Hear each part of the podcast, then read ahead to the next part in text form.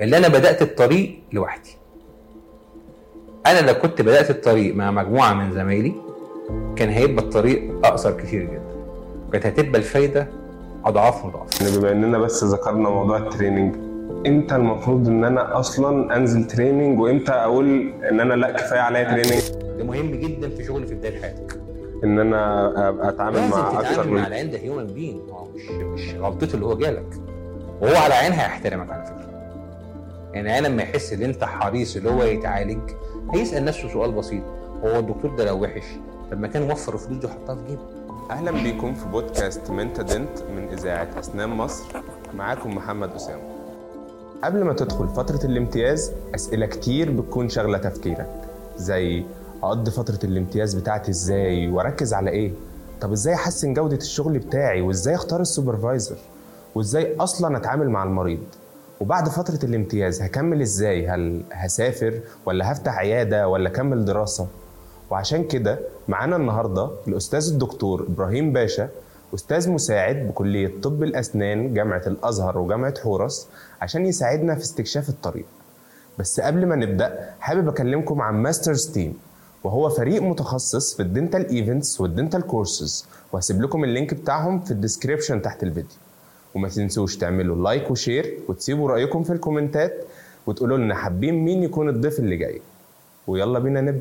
فكرة سوق العمل بالنسبة لنا كدكاترة أسنان يمكن تكون أكتر حاجة بتخوفنا سواء إحنا طلبة. يعني دايما بيخوفونا يقولوا لنا طبعا أعداد دكاترة الأسنان زادت بشكل كبير. آه، الأجهزة طبعا إحنا كل سنة على مدار الدراسة كل سنة الأسعار آه، خرافية. والموضوع بالنسبة لنا إحنا داخلين على مرحلة يعني مخيفة أكتر ما منها إن إحنا داخلين على حاجة جديدة. ف إيه النصيحة اللي حضرتك شايف إن المفروض الطالب اللي لسه متخرج وداخل المرحلة دي يمشي فيها؟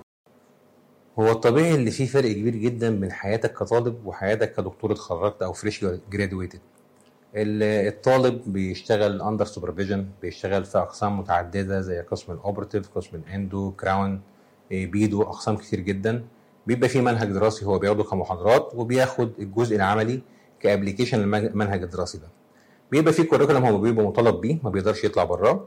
ال curriculum ده بيتحط آه، بناء على مستواه. يعني طالب اللي أنا بقيمه في سنة ثالثه وبطالب منه حاجات بسيطة بحيث اللي هو يبدأ يظبط شغله في pre-clinic بعد كده طالب level 4 يبدأ يظبط ال position بتاعه ويتعامل مع الحالات ال simple مع الوقت بنبدأ نتطور نخش على حالات أكثر صعوبة وهكذا. بس في الأول وفي الآخر الحالات اللي هو بيشتغلها تبقى خاصة بشغل الطلبة. يبقى صعب إن أنا أديله حالات فيها complication لأن هو ما عندوش القدرة اللي هو يكون treatment plan ودي النقطة بقى اللي بتفرق معانا من وجوده كطالب اللي هو بدأ يخش مرحلة الامتياز. هيخش مرحلة الامتياز هنبدأ طبعا في program بيبقى في مرحلة الامتياز. آه، كل جامعة بتحط ال program بتاعها أو في بعض ال program في وزارة الصحة. ايا كان ال program ده بيبقى المقصود بيه اللي الطالب يشتغل أكبر عدد معين من الحالات في أقسام متعددة. طيب في واحد يقول لك أنا شايف إن أنا كنت في قسم معين آه، كنت شغال كويس وبطلع شغل كويس لكن في قسم تاني ما كنتش قد كده آه، وارد إن أنا كان المعيد اللي بيعلمني مش مش بيديني اهتمام الكافي كان في عدد من المعيدين أقل آه، أنا ما حدش عارف يحببني في المادة دي فكنت كاره السكاشن بتاعتها بس فوجئت إن أنا لازم أشتغل الكلام ده في عيادتي. أنا مش هينفع أكتب على العيادة. أنا دكتور حشو بس أو دكتور خلع بس. أنا المفروض إن أنا بشتغل في لازم أكون مريت بكل ال- 80% من الحالات أكون بشتغلها بصورة جيدة. فأنا ببقى داخل على مرحلة الامتياز. لازم يكون معايا devices ال devices دي أقدر أتحرك بيها في الأقسام اللي أنا شايف اللي فيها جزء كبير جدا من شغل العيادة. دي ك instrument أشتريها؟ طبعا. ال instrument اللي انت هتشتغل بيها انت مش هتخلص فتره الامتياز وترميها. انت هتفضل مكمل بيها في عيادتك فترة. وخصوصا لو انت كنت اشتريت instrument ليها آه، محتوى كويس وصناعة كويسة بتعيش معاك فترة طويلة جدا. تعيش معاك أكتر من 10 سنين. اللي هي الشركات, الشركات الموثوق فيها أو الحاجات اللي كده الناس بتزعل لما نيجي نتكلم عن الحاجة دي يقول لك سعرها غالي. هي طبيعي سعرها غالي بس هتدي لي quality وتديني function كويسة جدا و accessibility عالية قوي تمام؟ طيب إحنا دلوقتي هنبدأ نتكلم. أنا عاوز أخش فترة الامتياز. عاوز أشتغل إيه؟ ده بقى بيختلف من طالب لطالب. أنا واحد من الناس لما كنت دخلت على فترة الامتياز عملت estimation لمستوايا في كل الأقسام. بدأت أحط أقول أنا وضعي في قسم ال operative إيه؟ أنا بشتغل أنا ال operative بشتغل في حالات إيه؟ أنا ال endo بشتغل في حالات إيه؟ طبعا إحنا أيامينا ما كانش الدنيا متطورة زي دلوقتي كان كل الشغل بتاعنا manual. كان ما كانش موجود ال motors اللي موجودة ما كانش برضو موجود الدكاترة برضو المدربة زي الدكاترة دلوقتي سواء بره الجامعة أو جوه الجامعة. بقيت حاجات حضرتك شايف إن التطور اللي إحنا واصلين له دلوقتي مثلا سواء في ال instrument أو في التعليم ككل أو الطفرة اللي واصلة للأسنان دلوقتي مفيدة بالنسبة لنا كجيل جديد؟ طبعا. آه، نتائج أكثر دقة وأسرع والتعلم عليها أسهل وفي نقطة أهم اللي هي ال fatigue بتاعها أقل.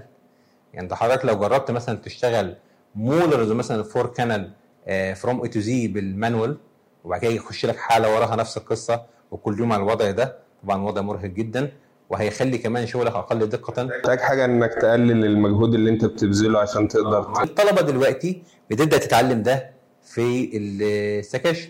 فبيبدأ هو يقيم نفسه بقى. أنا محتاج أبدأ بقسم إيه؟ إيه القسم السيء اللي أنا فيه قوي؟ هنفترض قسم الجراحة. يبدأ هو يبدأ حياة الامتياز بتاعه قسم الجراحة. إن أنا بعمل ال evaluation لنفسي علشان أوصل للحاجات اللي أنا وحش فيها أبدأ بيها وأقوي نفسي فيها عشان يبقى كله على الأقل في neutral zone بالظبط بالظبط. وأبدأ أنا بعد كده الحالات اللي أشتغلها. أنا عندي supervision تاني في الامتياز. بس ال supervision عندي في الامتياز مش كافي قوي. أنا لازم بقى أبدأ أنا أقرأ. أطلع بقى من مرحلة اللي فيه دكتور كان بيعنصرني المادة ويديني الجزء برضه من ال curriculum اللي هو مفروض برضه اللي هو يخلصه في وقت معين. أنا المفروض إن أنا أخلص مثلا four chapters مثلا في 12 محاضرة. ممكن أنا عاوز أدي الطالب أكتر من ده مش باستطاعتي إن أنا أعمل ده. الطالب بقى وظيفته يشتغل على نفسه في الحتة دي يقرأ ويرجع بقى لل supervisor بتاعه. أنا الجزء ده قريته. الجزء ده قريته وعاوز أطبقه. يبدأ هو يدور على cases related للمشكلة دي. إيه، يبدأ مثلا يلاقي complication معينة. طب أنا محتاج supervisor في كل قسم ولا أقدر إن أنا مثلا أعتمد على حد أثق فيه مثلا قريب مني ولا أعمل إيه؟ يعني ده بتتكلم على مجال الجامعة ولا بره الجامعة؟ يعني لو إحنا في من الامتياز مثلا آه، في الجامعة. أكيد مش كله هيبقى في الجامعة يعني في جزء هيبقى في الجامعة وفي جزء بره الجامعة. طب هل أنا محتاج إن أنا أكون على تواصل دائم بال mentor بتاعي أو ال supervisor بتاعي اللي أنا هختاره سواء؟ طبيعي. في القسم اللي أنت عاوز تتعلم فيه محدش هيعلمك فيه غير الدكتور اللي بيدي المادة دي. هو أكثر إلماما وعنده وقت باللي بيشرحه في المادة دي عنده معرفة بال instrument وال devices الجديدة في حاجة زي كده وهو وظيفته اللي يعلمك الجزئية دي. بس إحنا بنخص الكلام هنا في إيه؟ في فترة الامتياز اللي أنت already موجود فيها في الجامعة. طب جامعي آه أنا محتاج supervision بره. آه طبعا محتاج. دي النقطة بقى اللي إحنا بنتكلم عليها اللي أنا دلوقتي سواء أنا في فترة الامتياز أو خلصت فترة الامتياز. أنا دلوقتي خلصت فترة الامتياز. تمام. تمام وكنت حاطط plan معين خدت جزء مثلا في الجامعة اللي هو أربع شهور في الجامعة مثلا وقررت إن والله أنا مش أنا أنا recommended أغلبية فترة الامتياز تبقى في الجامعة. قد ما تقدر تاخد أكبر عدد ممكن من الشهور في الجامعة بغض النظر هي جامعة إيه. مش شرط إن أنا ابقى في نفس الجامعة اللي أنا متخرج منها. طبعا مش شرط. أنت ممكن تكون مثلا في جامعة الأزهر تاخد امتيازك في جامعة القاهرة تاخد امتيازك في جامعة حورس في عين شمس في الدلتا زي ما أنت عارف. تقدر في كفر الشيخ في طنطا. بس أنا recommended إن أنت تاخد فترة الامتياز بتاعتك في الجامعة. بيبقى كل آه بيبقى كل قسم فيه إشراف فيه في حالات أكتر. ودي نقطة مهمة جدا مش بتلاقيها. أكتر حاجة حضرتك شايف إن هي أثرت عليك. لازم أهتم بكل شغل ليا وكل حاله بشتغل بيها وأتعلم ال supervisor بتاعي. من أول ما أنا باخد ال history بتاعي من العيان من أول ما أنا بدأت أتعلم أحط treatment plan أنا كل القصة ما في ما بين الدكتور المحترف واللي عارف هو بيشتغل إيه والدكتور اللي لسه freshly graduated اللي ده بيعرف يخش treatment plan يعرف يحط plan صح يشتغل بناء عليها. مش بس كده. هو يحط plan صح ممكن ال plan اللي بيحطها دي تأكد في الآخر إن هو ما ينفعش يشتغل الحالة دي أصلا. الحالة دي أكبر منه أكبر منه في التوقيت ده ويبقى بعد كده مضطر اللي هو يعمل لها refer أو لو كان في فترة الامتياز هيروح لل supervisor بتاعه أنا الحالة دي جات لي فيها واحد اثنين ثلاثة ممكن حضرتك تشتغلها بحيث اللي هو يعمل لك يعمل لك demonstration عليها وتتفرج عليها وبعد ما تخلصت ال supervision يقول لك إحنا عملنا ده عشان كذا وده عشان كذا ترجع تقرأ الكلام ده وتتأكد إن الكلام ده مظبوط وإن الكلام ده متماشي مع الحالة تبدأ بعد كده لما يجي لك الشغل تشتغل. عشان كده لازم يبقى معاك note أو كتيب صغير في كل ال advices أو كل ال recommendation اللي خدتها في فترة الامتياز كلها. بالظبط. هو أنت برضو لسه ما تكونش عندك tips and tricks هي الفكرة كلها أنت هتاخد تعليمات قالها لك ال supervisor وتعامل بها مع الحالة وبعد كده انت بقى تنتقل للنت بعد كده تنزل reviews تنزل paper وتبدأ تشوف الحالات المشابهة وهل دي طريقة ال treatment plan الوحيدة للحالة دي؟ يعني هل الحالة دي ما تتعالجش غير بالطريقة دي ولا فيها أكتر من طريقة؟ وارد جدا حضرتك أما تدور تلاقي إن في طريقة قد أقل تكلفة و less invasive بالنسبة لل patient وده بيوسع مداركك وبيخليك مع الوقت من كتر ال cases اللي أنت بتشتغلها في كل أقسام يبدأ يتكون عندك فكرة أنا عملت treatment plan لحالة لاثنين لثلاثه ل 10 ل 20 بدات اللي أنا حصيلة معلوماتي تبدأ تزيد. ده بيفيدني إمتى بقى؟ لما أخش في المرحلة اللي ما فيهاش supervision ودي أكتر مرحلة بترعب كل الدكاترة fresh graduates أنا هشتغل من غير supervisor أنا عاوز بعد مرحلة الامتياز أعمل إيه؟ وأنا إزاي هقدر أرضي المريض؟ إزاي هيبقى مقتنع بال treatment plan بتاعتي؟ وأنا يعني أصلا من جوايا مش حاسس إن أنا oriented مثلا قوي وده هيجي مثلا مع الوقت ولا إيه اللي المفروض إحنا برضه هنعيد صياغة الكلام شوية. أنا مش المفروض ال treatment plan اللي أنا حاططها حاططها بقصد رضا المريض. هي الفكرة كلها أنا محتاج أعرف العيان ده عاوز إيه. يعني أنا جالي عيان مثلا على سبيل المثال عنده badly destructed مثلا 6 anterior مثلا على سبيل المثال. طيب الحالة دي لها أكتر من treatment plan في plan بيقول لك إن أنت تعمل تبدأ تعمل endodontic treatment وبعد كده تعمل post and core و crown lengthening وبعد كده تبدأ تدور تحط temporary restoration وبعد كده تبدأ تعمل crowns في treatment plan تانية ممكن تقول لك لا دي مش هتعيش كتير فهضطر إن أنا أخش implant في واحد يقول لك لا اخلعهم خالص وحط لي ريموفابل ده على حسب ال case بتاع بالظبط. هي الفكرة كلها بقى هنا برضو دي نقطة لازم تتعلمها من ال supervision بس مش في الكلية بقى. تبدأ أنت واخد لك supervisor في عيادة. بتنزل training عند دكتور انت شايفه دكتور بيشتغل academic كويس وراجل عنده مصداقية تقدر تتعلم منه. بحيث انت تتعلم منه النقطة دي. أنا العيان جالي وأنا بعمل treatment plan طب جاي لي واحد قدراته على قد حاله. هل منطقي اللي أنا أقول له أنا هعمل لك 6 implant في ال في ال esthetic area واعمل له crowns و bridges أجيب الكلام ده منين؟ يعني بما اننا بس ذكرنا موضوع ال training إمتى المفروض إن أنا أصلا أنزل training وامتى أقول إن أنا لأ كفاية عليا training أنا شايف إنك تنزل training من أول ما تبدأ تعدي أول سنة في ال clinic يعني بعد level 4 أول ما ادخل level 5 بعد ما تعدي أول سنة في ال clinic اللي أنت تبدأ تنزل وتشوف. وأنا هي اللي قبل الامتياز على آه اللي فترة الصيف اللي هي بتاعت level 4 level 5 وبعد كده تدخل تنزل طبعا فترة الامتياز. تتعلم حاجات كتير جدا. هتتعلم إزاي تتعامل مع ال assistant. هتعامل تتعامل إزاي مع ال team اللي موجود. مع الدكتور أصلا بيقعد يتكلم مع العيان إزاي؟ هل الدكتور ده أصلا بعد ما قعدت معاه مرة واثنين وثلاثه وأنا اتعلمت حاجات academic في الكلية الدكتور ده أصلا شغال صح ولا لأ؟ هل هو بيعمل infection control كويس؟ هل هو بيشتغل كويس؟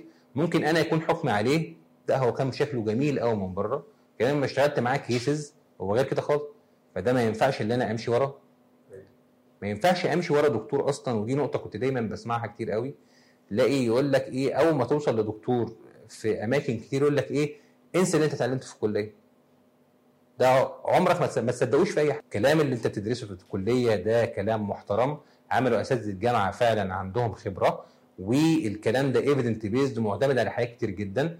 مفيش مانع إنك تتزود عليه لأن هو يعتبر basic knowledgement لكن ما ينفعش تقول إن أنت انساه انساه بعدين يعني إيه انساه؟ يعني أنت إزاي هتنسى الطريقة اللي الدكتور ال endo مثلا قال لك افتح بيها access ال endo إزاي هتنسى الطريقة اللي الدكتور قال لك ال deep caries هتشيله بال round bur إزاي الدكتور اللي قال لك في ال deep margin محتاج تعمل واحد اتنين تلاتة؟ يعني إزاي انسى الكلام ده؟ واشتغل بايه إيدي كده وخلاص؟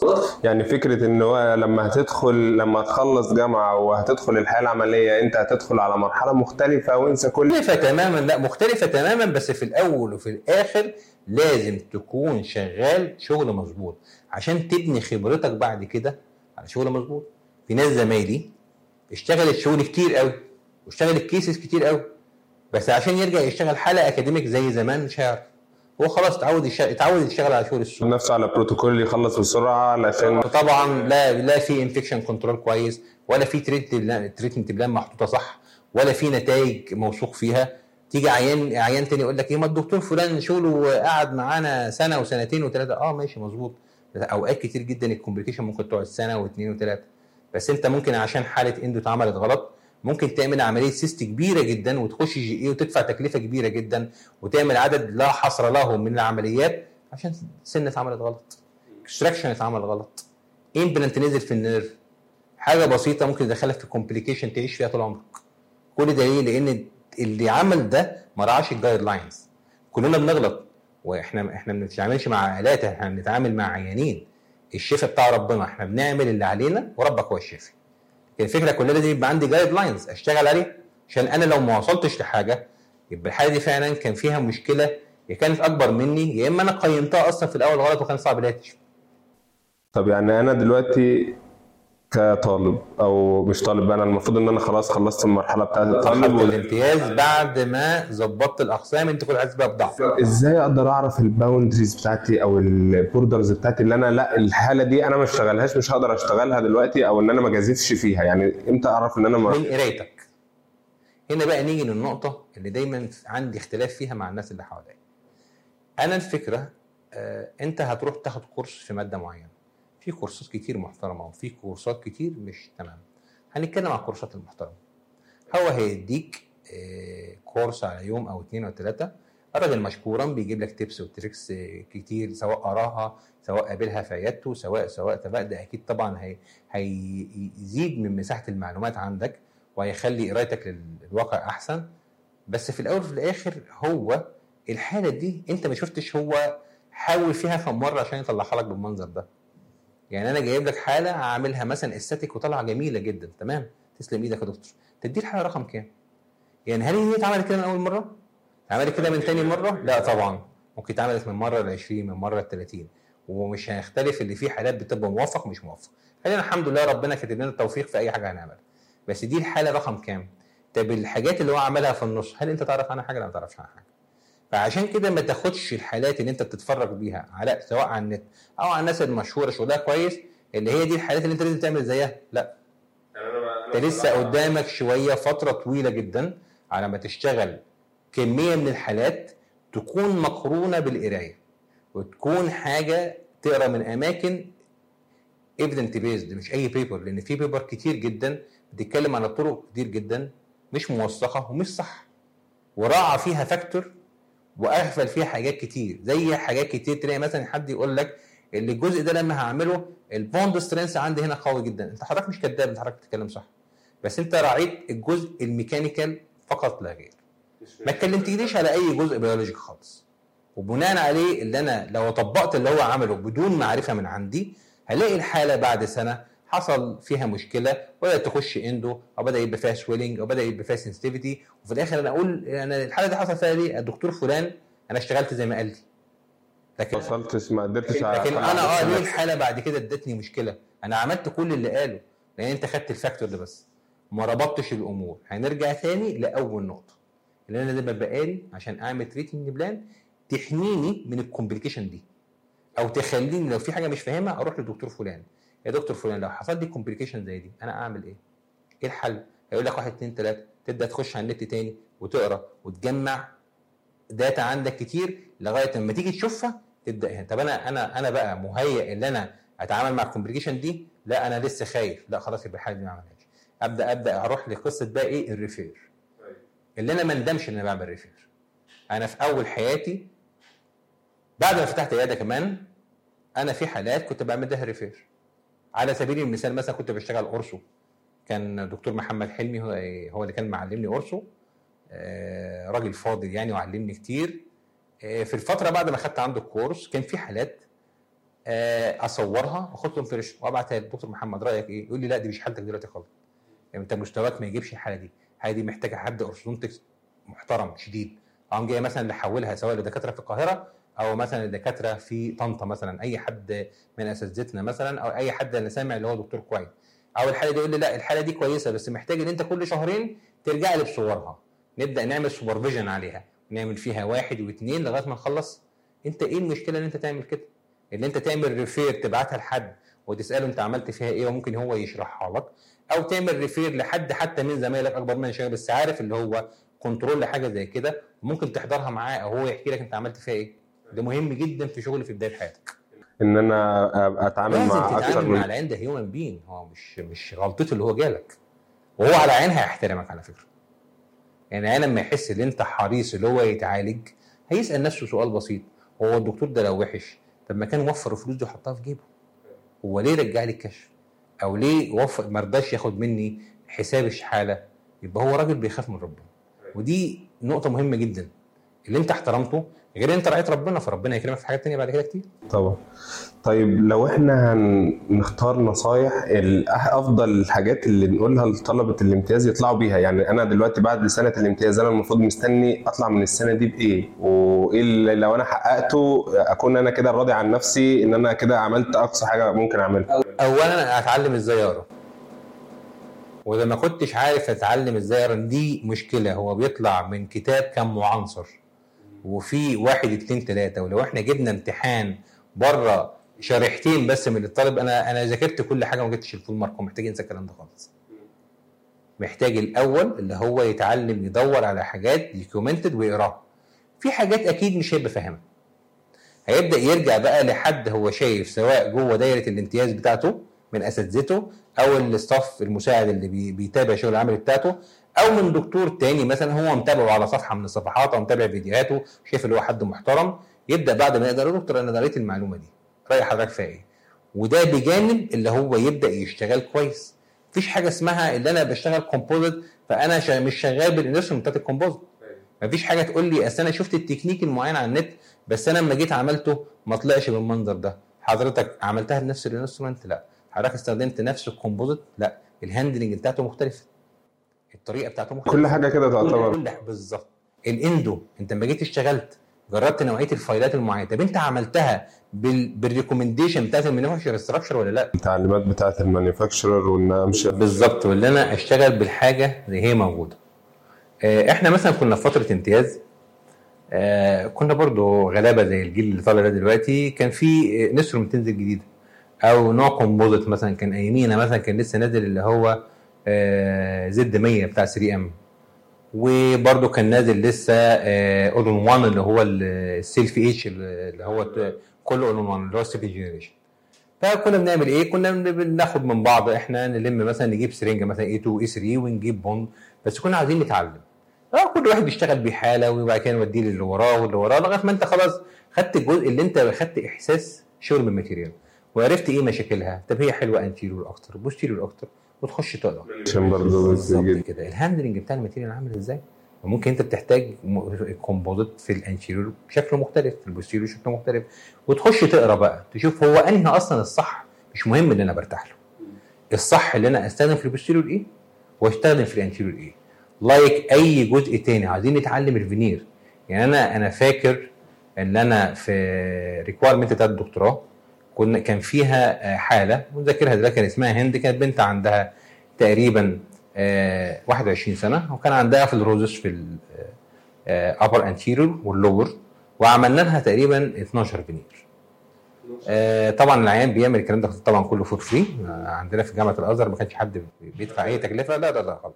هو بيجي بيجي ال supervisor بتاعك على الشغل بتاعك بيشوف الحالة طبعا بيعمل لها diagnose وكان الإشراف آه، شديد جدا مفيش هزار الحالة لازم تبقى indicated ولازم تبقى بتشتغل ب material معينة. أنا فاكر على ما أتذكر كنا جايبين Ivoclar كانت ال blockات نفسها من Ivoclar. حاجة عالية جدا يعني. آه لازم لا آه كان مفيش حاجة اسمها اللي أنت تجيب على مزاجك ده لازم تجيب حاجة. ولسه ما شاء الله لسه الوضع كده لسه الموضوع طبعا زي ما هو كده لازم تشتغل بحاجات كويسة. وكنا اشتغلنا على ال CAD/CAM اللي كان موجود في الجامعة. دكتور حسين صديقي يعني كان هو اللي كان عمل لي ال designing والكلام ده كله دكتور حسين رمضان. واشتغلنا الحالة آه والحالة اتعملت مظبوط وصورناها إحنا بنعمل لها preparation وقد إيه الحالة كانت مبسوطة اللي أنت عملت لها حاجة؟ وقد إيه أنا استفدت؟ وقد إيه أنا قعدت ما بين الفترة اللي أنا هعمل preparation والفترة اللي أنا عملت لها temporary والفترة اللي أنا عملت لها cementation قعدت أقرأ في حاجات كتير جدا على ال reduction وال وال والأشكال اللي أنا هعمل بيها. الفينير هستخدم أنهي system موجود؟ آه بعد كده هعمل cementation إزاي؟ هعمل temporary إزاي؟ هعمل finishing إزاي؟ إيه ال instruction اللي أنا هقولها للعيانة أصلا بعد ما تعمل فينير وإزاي تحافظ على ال veneer وال color هختاره إزاي؟ وإزاي أحافظ على ال color stability و و و إلى آخره. استعداد كل كل ده بنى مع بنى data كتير جدا عندي. وبعد كده من الحالة الثانية من الحالة الثالثه من الحالة الرابعة. بقيت دلوقتي أنا بشتغل عيادتي آه بخش بقى أدور هو في إيه جديد؟ يعني مين اللي بينزل نوعية ال Emax جديدة؟ أنهي أحسن؟ طب إيه ال translucency لما زادت عملت إيه؟ طب النظام بقى اللي بقى موجود دلوقتي وال mamelons وال lobe وال halo effect والكلام ده كله إزاي أطبق الكلام ده عندي؟ ده مع ده لازم الجانب النظري ليه تطبيق عملي يعني هي phases انت بتمر بيها مش مش طبعاً. أكيد مش هتطلع مرة واحدة ولازم لازم للأسف في رحلة تعليمك لازم تدفع ثمن ده. يعني لازم في cases تعالجها على حسابك. طب افترضنا إن الكلية فترة الامتياز ما قدرتش توفر لك الحاجات دي. يعني أنا في الحالة اللي بكلمك عنها دي أنا اللي جبت ثمن ال blocks بس. أنا اللي دفعت ثمن ال blocks. لكن الحالة اتعملت الدكتور حسين عملها لي طبعا زميل لي عملها لي في الكلية. ما دفعتش أي فلوس للكلية. ومع أنا كل اللي اتكلفته ثمن ال blocks. طب إحنا ندور برضو اللي إحنا نعمل ده. إحنا ندور برضو كجامعات اللي إحنا نوفر لطلبة الامتياز ده اللي هم نساعدهم ان هم يتعلموا. وفي نفس الوقت لو كان في material في النص أنا محتاج أجيبها طب أنا بدل ما أروح أدفع للحالة قد كده في المعمل طب أنا أروح أجيب ال blocks دي؟ وأكيد لما أرجع للجامعة يا جماعة أنا عاوز أشتغل الحاله دي على كام ست أنا بالتالي ما حدش من الدكاترة هيقف لما يلاقي عندك شغف وعاوز تشتغل؟ أكيد هيقف في وشك يعني. والكلام ده لما يتعمل كويس ويبقى documented ويتعمل عليه clinical cases كمان يبقى شيء مشرف للطالب وللكلية وهما الاثنين مستواهم بيعلى. طيب دلوقتي أنا يعني بعد ما خلصت المرحلة دي بتاعت الامتياز وقدامي طبعا اختيارات إن أنا يا إما أكمل في الدراسة و- والنيابة مثلا أو كده يا إما أحاول إن أنا أفتح عيادة يا إما أسيب كل ده مثلا وأكمل دراسة بره أو أشتغل بره حضرتك شايف إن أنا آخد اختياري ده بناء على إيه بالظبط؟ ك يعني حاجة بالنسبة. اختيارك كتخصص ولا اختيارا للطريق اللي هتسلكه خلينا ناخدهم واحدة واحدة يعني اختياري كتخصص الأول. اختيارك التخصص ده أنت ما تختارش تخصص في الأول. انت لازم تتعلم اللي انت تبقى ممارس عام أو GP شاطر. عشان تاخد الفترة دي وتبقى اتقنت كتير جدا من الشغل ال basic خلي بالنا دي نقطة دايما بنكلم الناس فيها. مش مجرد معرفتك لشغل ال basic خلاك حريف في شغل ال basic. انت حضرتك اتعلمت تعمل class 2 أو اتعلمت تعمل restoration ل upper 6 endo حضرتك بتقعد في ال restoration لل upper 6 endo بتاع حوالي ساعتين ثلاثة في واحد تاني حضرتك بيخلصه في نص ساعة؟ ده شغال basic وساعتها شغال basic هي الفكرة إن ال basic ده لازم حضرتك تشتغله كتير وتقرأ على طرق كتير تبقى أدق وأسرع أو تبقى مفيدة للحاله كتر شغلك ده بي- بيرفع عندك ال learning curve وبيخليك جاهز إن أنت تتعلم الحاجات القديمة. بس وأنا مراعي ال basics اللي أنا المفروض. ماشي عليها من البداية. بالظبط. ما هو انت هتشتغل حاجة academic هتبقى غلسة قوي في الأول وتقعد في الحالة ساعتين. وزي ما الدكتور قال لك وتحط ال file وتتأكد ال path of insertion ومش عارف إيه وت... وت...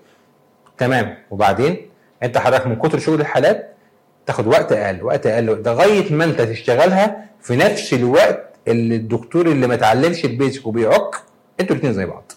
بس هو عملها وحش وانت عملتها صح. موضوع من كلام حضرتك دلوقتي زي تعليم السواقة بتاعت العربية مثلا اللي هو في البداية أنا ببقى قلقان من كل حاجة بس بعد كده بلاقي إن الأمور كلها بتمشي في هارموني من غير ما آخد بالي أصلا في كل حاجة أنا كنت واخد بالي منها في دراسات بتقول لك اللي أنت 10000 ساعة تدريب تحولك من جاهل خالص بالتخصص ده ل professional فيه.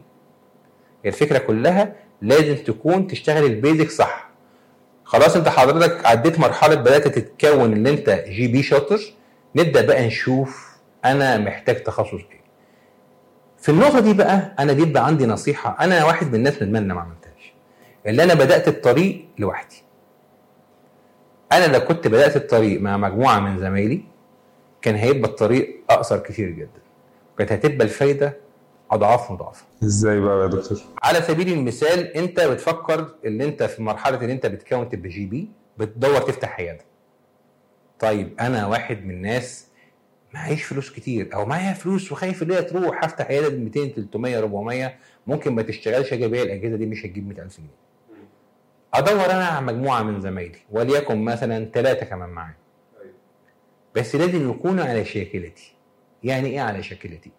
يعني لازم يكون مستواهم نوعا ما قريب مني مستواهم مستواهم في كل حاجة علميا وادبيا وتقديراتهم في الكلية زي بعض. إحنا شبيهين ببعض بحيث إن إحنا لما نيجي نفتح عيادة هنقسمها مثلا كل واحد فينا ياخد واحد ياخد فترتين الصبح وفترة بالليل وهكذا المهم إيه؟ اللي العيادة هيبقى فيها 2 يونت فهقدر إن أنا إيه أشتغل. وبنفضل اللي إحنا نساعد بعض ولو حد فينا أتقن حاجة زميله بيقدر يشوفها يقدر يصور الحالات ويشوفها. إيه بعد كده إيه ده المرحلة دي بعد ما أنا خدت مرحلة إن أنا بتدرب في عيادة دكتور شاطر under supervision لغاية ما أنا وصلت للمرحله إن أنا بقيت من كتر رؤيتي للحاجة بقيت شاطر. إحنا عدينا مرحلة الامتياز وبعدين بالظبط لازم طبعا أخش في مرحلة إن أنا في جزء بحضره مع دكتور ببقى شايف اللي هو supervision أو بتفرج على الحالات اللي بيشتغلها. يجي واحد يقول لي طب يا دكتور أنا عاوز يبقى عندي دخل برضه. طب إيه المانع حضرتك اللي أنت هتشتغل مثلا في فترة التكليف؟ سواء مثلا في الوحدات النائية أو وحدات الأرياف والكلام ده كله تشتغل وتنقل الكلام تتفرج عليه ده تشتغل في الحاجات دي حتى لو على حسابك لو على لو هتطلع من مرتبك مصاريفك بس الحاجات التانية تطور نفسك بيها لغاية ما تحس إن أنت جاهز تفتح عيادة. جاهز تفتح عيادة مع مجموعة من زمايلك. بعد فترة تبقى أنتوا برضو متفقين إن التخصص التخصصات بتاعتكم ما تتعارضش مع بعضها. يعني إحنا فاتحين أربعة مع بعض. فأنا واحد من الناس يقول لك أنا هاخد الاوبرس واحد يقول لك خلاص أنا هشيل أنا شغل الإندو. واحد يقول لك أنا هاخد بيلدو واحد بيقول لك أنا هاخد الشغل مثلا ال crown bridge. مع الوقت العيادة دي تقدروا حضراتكم تشتغلوا فيها كل يوم بعد كده. أنتوا الأربعة وكل واحد تخصص مختلف. هتعملوا عيادة أكبر. بالظبط كده. مفيش تعارض. العيان هيجي عند دكتور هيفرز الكلام ده. GP برضه أنتوا ربيتوه تحت ايديكم وبدأ ياخد نفس ال way وبعد كده هيبدأ يفرز الحالة ويحولها يا إما endo يا إما restorative يا إما بيد ايا كان. متخيل الموضوع لما تشتغل في تيم إن أنت أكنك بتعمل مؤسسة طبعا بعد كده. بت... هو دي سياسة المراكز أصلا. اللي أنت بتضطر اللي أنت بعد 15 سنة من شغلك عاوز تطبقها وهتجيب ناس أنت ممكن ما تعرفهاش. أو ممكن الناس سامع عنها تلاقي شطار وتيجي تشتغل معاهم على الوضع الحقيقي مش شطار. طب ما أنتوا سبحان الله إحنا كلنا كبرنا مع بعض. وبقى ما عادش في تعارض. لا هقول لك أنا دخلت أكتر منك في الإند ولا أنت دخلت أكتر مني في كراونز ولا الكلام ده كله خالص كل واحد شغال في الجزء بتاعه وكل واحد بقى مشهور بحاجة معينة. ونرجع نقول بقى عشان لو حصل مثلا حضرتك مش موجود أنا معرفتي بقى بالجزء بتاع ال GP يخليني أقدر أعمل حتى لو. بالظبط لو حاجة إيه اللي هو first aid بالنسبة للحالة crown لغاية ما يجي الدكتور المتخصص في شغل ال crown ويشتغل ده بيفرق كتير جدا جدا. ويعني أنا شايف إن دي أهم نقطة الكل يدور عليها بحيث اللي هي working يعني. قلل ال risk عندك. أنت دلوقتي التكلفة في الأول قلت كتير جدا. بدل ما أنت كنت هتدفع رقم بقيت بتدفع ربعه. هتدفع رقم معين في ال marketing بقيت بتدفع ربعه. في التشغيل نفسه وكله حريص على العيادة وكله قلبه على العيادة بعد كده برضو ال- الجماعة ال- بت- بت- بت- بتضيف قوة. انت تبدأوا بعد كده تذاكروا بطريقة معينة ممكن تبدأوا تاخدوا كورسات معينة تبدأوا تخصصوا جزء من دخل المركز لل upgrade بتاع المركز. إحنا بيخش لنا say مثلا 10000 جنيه. إحنا فيها 20% نعمل upgrade لشغلنا. بنطور نفسنا. بدل ما كنا جايبين حاجات ال basic ان نجيب حاجات ال advanced بقى. وال device اللي كان نفسنا نعملها والشغل يبقى آه، مظبوط وطالع صح. طب اختيار التخصص برضه يعني أنا دلوقتي بعد ما عديت بقى المرحلة دي وبعد ما عديت المرحلة بتاعت إن أنا بدأت؟ بدأت العيادة يعني ما أبدأش التخصص إلا لما أبدأ فعلا شغل clinical يعني لازم لأن أنت لو بدأت وأنت ضعيف هتتحرق لو لقيت نفسك في وش ال patient ومش قادر تعمل plan صح وما عندكش قدرة على السيطرة على ال complication خلاص دي كارثة مم. يعني انت بتعمل مثلا حالة فينير وبتعملها كويس بس ما عندكش حل أو صرفة اللي الفينير ده لما يقع وحصل له debonding حصل ليه؟ وإزاي هتعيده؟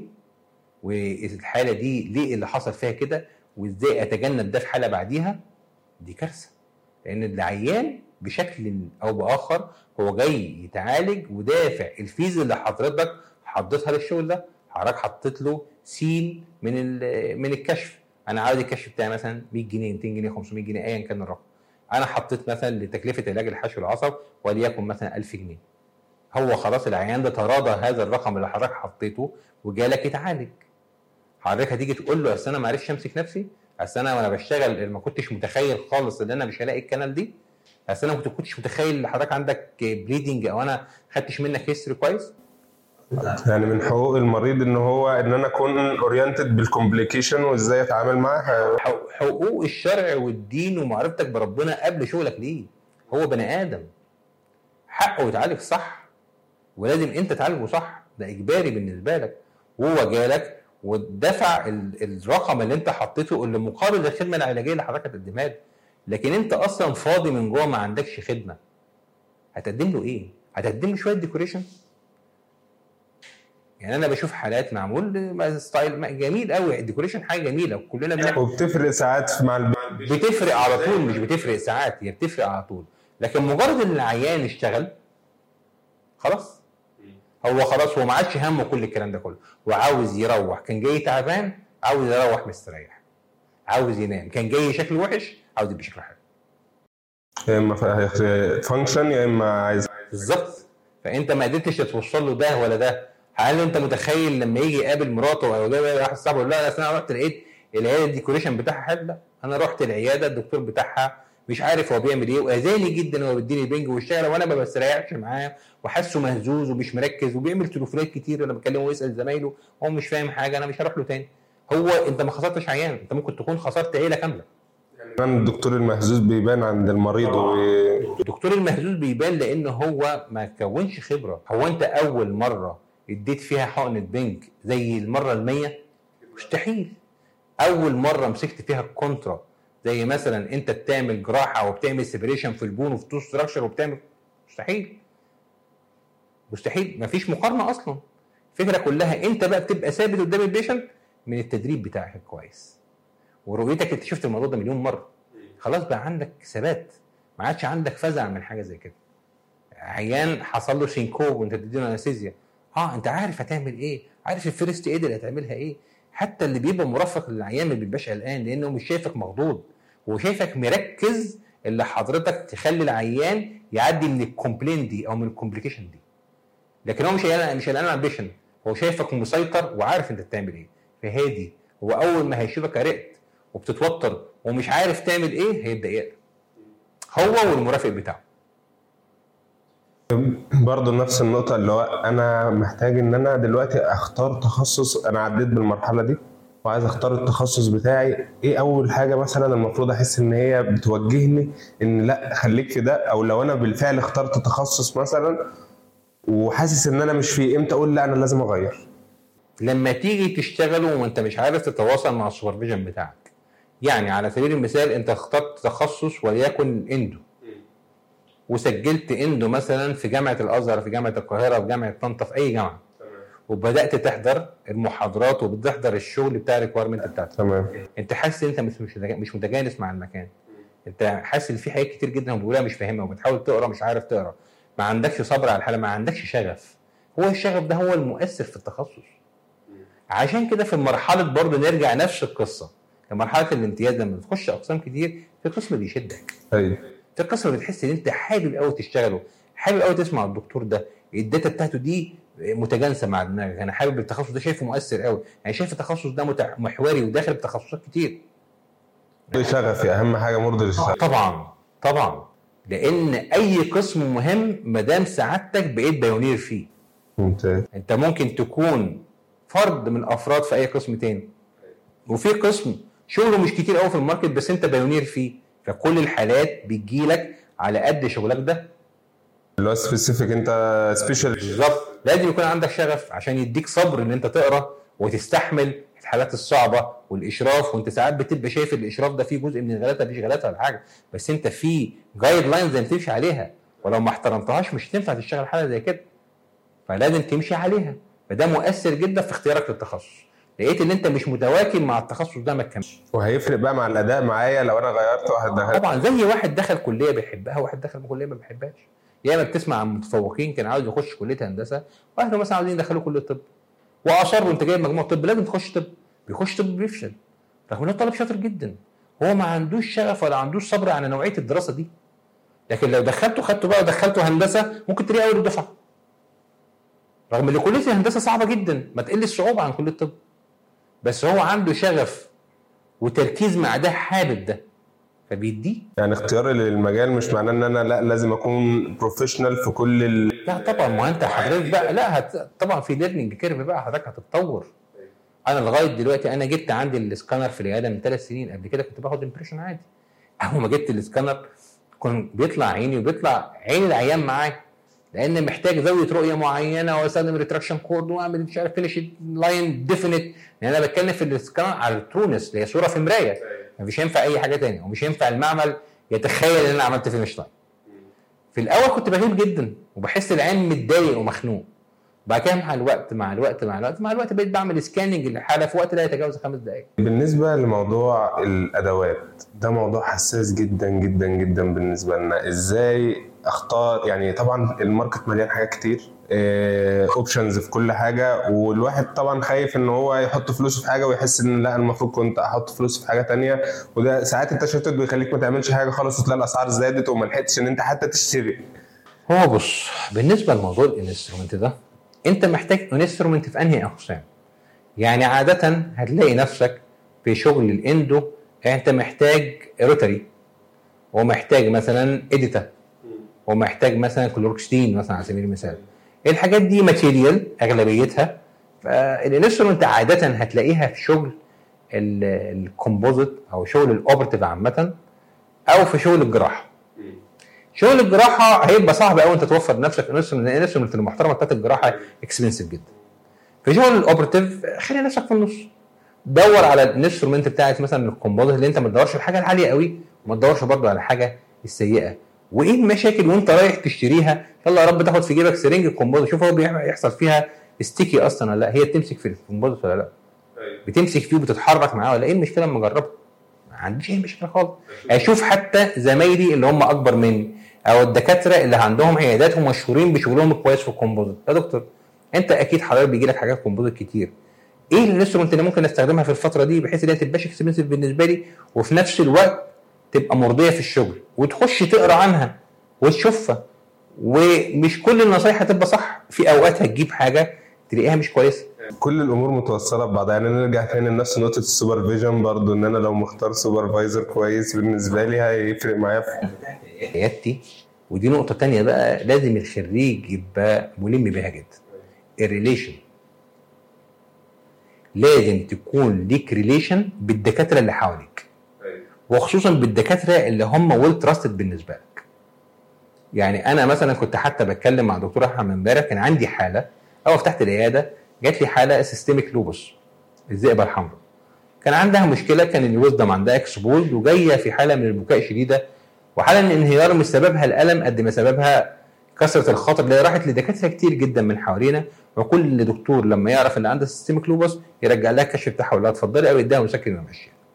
وأنا أنا واحد من الناس كان أول مرة أتعامل مع نوعية ال patient كلمت الدكتور بهاء ده أستاذ دكتور عندنا في الجامعة من أساتذتي يعني. آه كلمته. آه دكتور بهاء في واحد اثنين ثلاثة عندي. أنا ما اتعاملتش مع الحالة دي قبل كده. فراي سعادتك إيه؟ أعمل لها refer لحد ولا ممكن أنا أشتغلها؟